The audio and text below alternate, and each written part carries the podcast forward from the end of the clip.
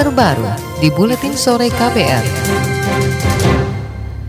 Saudara tim kampanye nasional TKN Jokowi Ma'ruf Amin siap adu data formulir C1 dengan kubu Prabowo Sandiaga Uno. Tantangan ini disampaikan menanggapi klaim kemenangan 62 persen yang sudah dideklarasikan hingga tiga kali. Laporan selengkapnya disampaikan reporter KBR Lea Citra langsung dari kantor DPP PDI Perjuangan. Silakan Lea. Ya saudara, PDI Perjuangan menolak klaim kemenangan kubu 02 Prabowo Sandiaga dalam pemilu serentak 2019.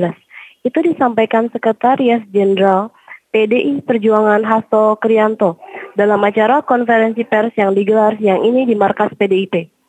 Hasto mengatakan PDI Perjuangan siap adu validitas data C1 dengan kubu Prabowo Sandiaga.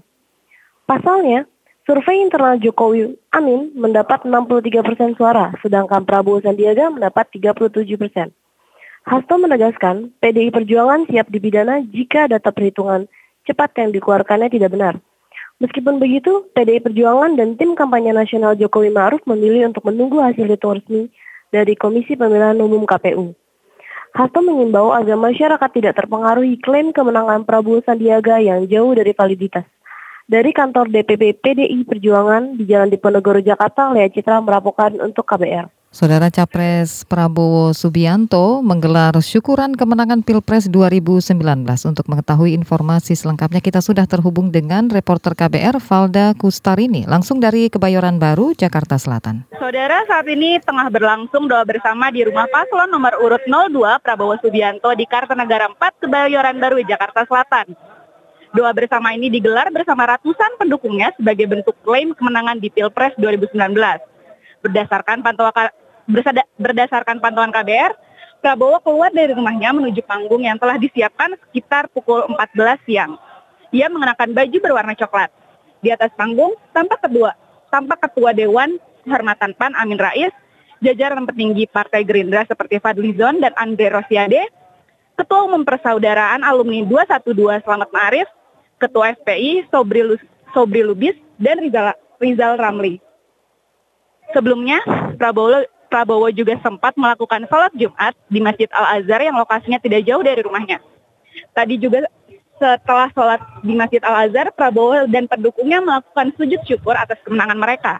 Namun hingga kini cawapres Sandiaga Uno belum terlihat hadir di lokasi. Sandi dikabarkan akan melakukan cek kesehatan di rumah sakit.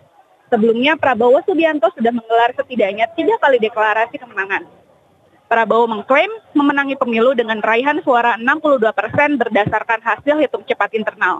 Dari Kartanegara, Kebayoran Baru, Jakarta Selatan, Polda ini KBR. Saudara, pasca proses pemungutan suara yang digelar pada 17 April lalu, kedua kubu calon presiden berbeda pendapat menanggapi hasil hitung cepat dari berbagai lembaga survei. Pasangan nomor urut 01 Jokowi Ma'ruf Amin yang unggul dari hasil quick count meminta masyarakat untuk tetap tenang dan menunggu hasil penghitungan resmi dari KPU. Sementara pasangan nomor urut 2 Prabowo Subianto Sandiaga Uno mengklaim memenangi pemilu dengan perolehan suara 60 persen lebih berdasarkan hasil survei internal BPN. Prabowo bahkan melakukan deklarasi kemenangan sebanyak tiga kali. Saudara Imam Besar Masjid Istiqlal, Nasaruddin Umar meminta elit politik menahan diri dan tidak reaktif terhadap hasil hitung sementara pemilu 2019 oleh sejumlah lembaga survei. Nasaruddin beralasan sikap elit politik akan selalu diikuti oleh para pendukungnya termasuk saat menanti hasil penghitungan suara oleh KPU. Menurutnya, para elit politik bisa memberi contoh berjiwa besar dan saling memaafkan agar masyarakat kembali rukun. Kita mulai menghimbau para tokoh, tokoh-tokoh politik, mari kita menunjukkan kebesaran jiwa kita, kenegarawanan kita. Saya kok sangat yakin kalau di lapis atas itu sudah selesai, maka di bawah pun juga pasti selesai. Ya, supaya bangsa kita ini menjadi tenang kembali, tetap memupuk persaudaraan.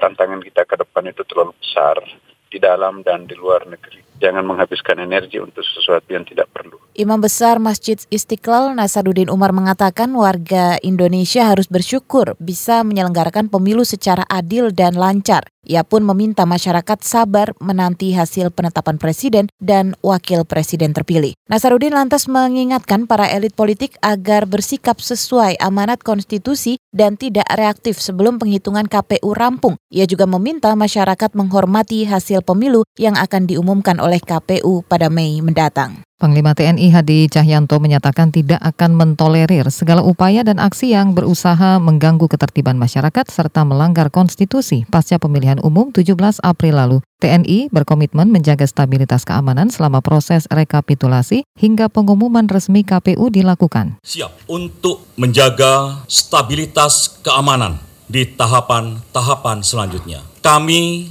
tidak akan mentolerir dan menindak tegas semua upaya yang akan mengganggu ketertiban masyarakat serta aksi-aksi inkonstitusional yang merusak proses demokrasi. NKRI. Selain itu, Panglima TNI Hadi Cahyanto juga menyampaikan rasa terima kasih kepada prajurit TNI, Polri, serta seluruh masyarakat di Indonesia yang turut berpartisipasi dalam menjaga pelaksanaan pemungutan suara sehingga dapat berjalan aman, damai, dan lancar. Saudara Badan Pengkajian dan Penerapan Teknologi BPPT mengaku punya solusi agar proses pelaksanaan pemilu bisa berjalan efisien namun tetap mengedepankan prinsip jujur dan adil, yakni pemilihan umum secara elektronik atau e-voting. Sayangnya menurut Kepala Program e-voting BPPT, Andrari Gerahitandaru, Komisi Pemilihan Umum menginginkan penggunaan teknologi tersebut dilakukan secara bertahap. Hal ini kata dia justru membuat proses pemilu berjalan lama sehingga potensi menimbulkan konflik seperti yang terjadi saat ini. Andrari mengatakan saat ini KPU hanya menerapkan proses rekapitulasi secara elektronik, namun proses rekapitulasi dinilainya masih tidak efektif. Untuk pilkada okay. dulu kan sudah, mereka tinggal bikin PKPU. Udah itu aja. Okay. PKPU tentang e-rekapitulasi saja misalnya bukan e-voting gitu kan kan sudah ada situng mereka sudah ada buat semacam situng tinggal diganti tidak dari kabupaten scanningnya, okay. gitu loh, Baik. tapi dari TPS. Tinggal ngubah okay. dikit. Kepala Program e-voting BPPT Andrari menjelaskan proses e-pemilu atau e-voting sebelumnya sudah diterapkan untuk pemilihan kepala desa di seribu desa di seluruh Indonesia. Di dalam bilik suara, pemilih tidak lagi mencoblos surat suara, namun dihadapkan dengan layar komputer untuk memilih secara online. Verifikasi data pemilih juga dilakukan dengan memindai KTP elektronik saat memasuki TPS. Dengan begitu, proses penghitungan suara dapat dilakukan dengan cepat dan efektif. Andrari menjelaskan, e-voting ini seharusnya sudah bisa diterapkan, namun perlu peraturan KPU untuk bisa mewujudkannya. Dan saudara kita sejenak berolahraga bersama Sindu Darmawan. KPR Sport. Pasangan ganda putra Kevin Marcus gagal membawa pulang gelar juara dari Malaysia Terbuka dan Singapura Terbuka yang berlangsung pada akhir Maret dan awal April. Pasangan nomor satu dunia itu rontok di fase perempat final pada Malaysia Terbuka setelah kalah dari Fajar Alfian dan Muhammad Rian. Sedangkan di Singapura Terbuka, Kevin Marcus kalah dari Takeshi Kamura Keigo Sonoda di semifinal. Pelatih ganda putra PBSI, Harry Iman Pirngadi mengatakan, Kekalahan Kevin Marcus tidak terlepas dari penampilan lawan yang sudah mempelajari permainan ganda putra andalan Indonesia tersebut. Selain itu, Harry juga mengakui performa yang tidak maksimal dari anak asuhnya. KBR Sport Klub Inggris menguasai semifinal kompetisi Eropa pada musim ini. Keberhasilan Arsenal dan Chelsea meraih kemenangan dan meraih tiket semifinal Liga Eropa melanjutkan dominasi perwakilan Liga Inggris di Eropa. Sebelumnya, Liverpool dan Tottenham Hotspur sudah lebih dulu memastikan langkah ke babak empat besar Liga Champions. Babak semifinal Liga Champions dan Liga Eropa musim ini akan berjalan beriringan. Leg pertama semifinal Liga Champions berlangsung pada 30 April dan 1 Mei.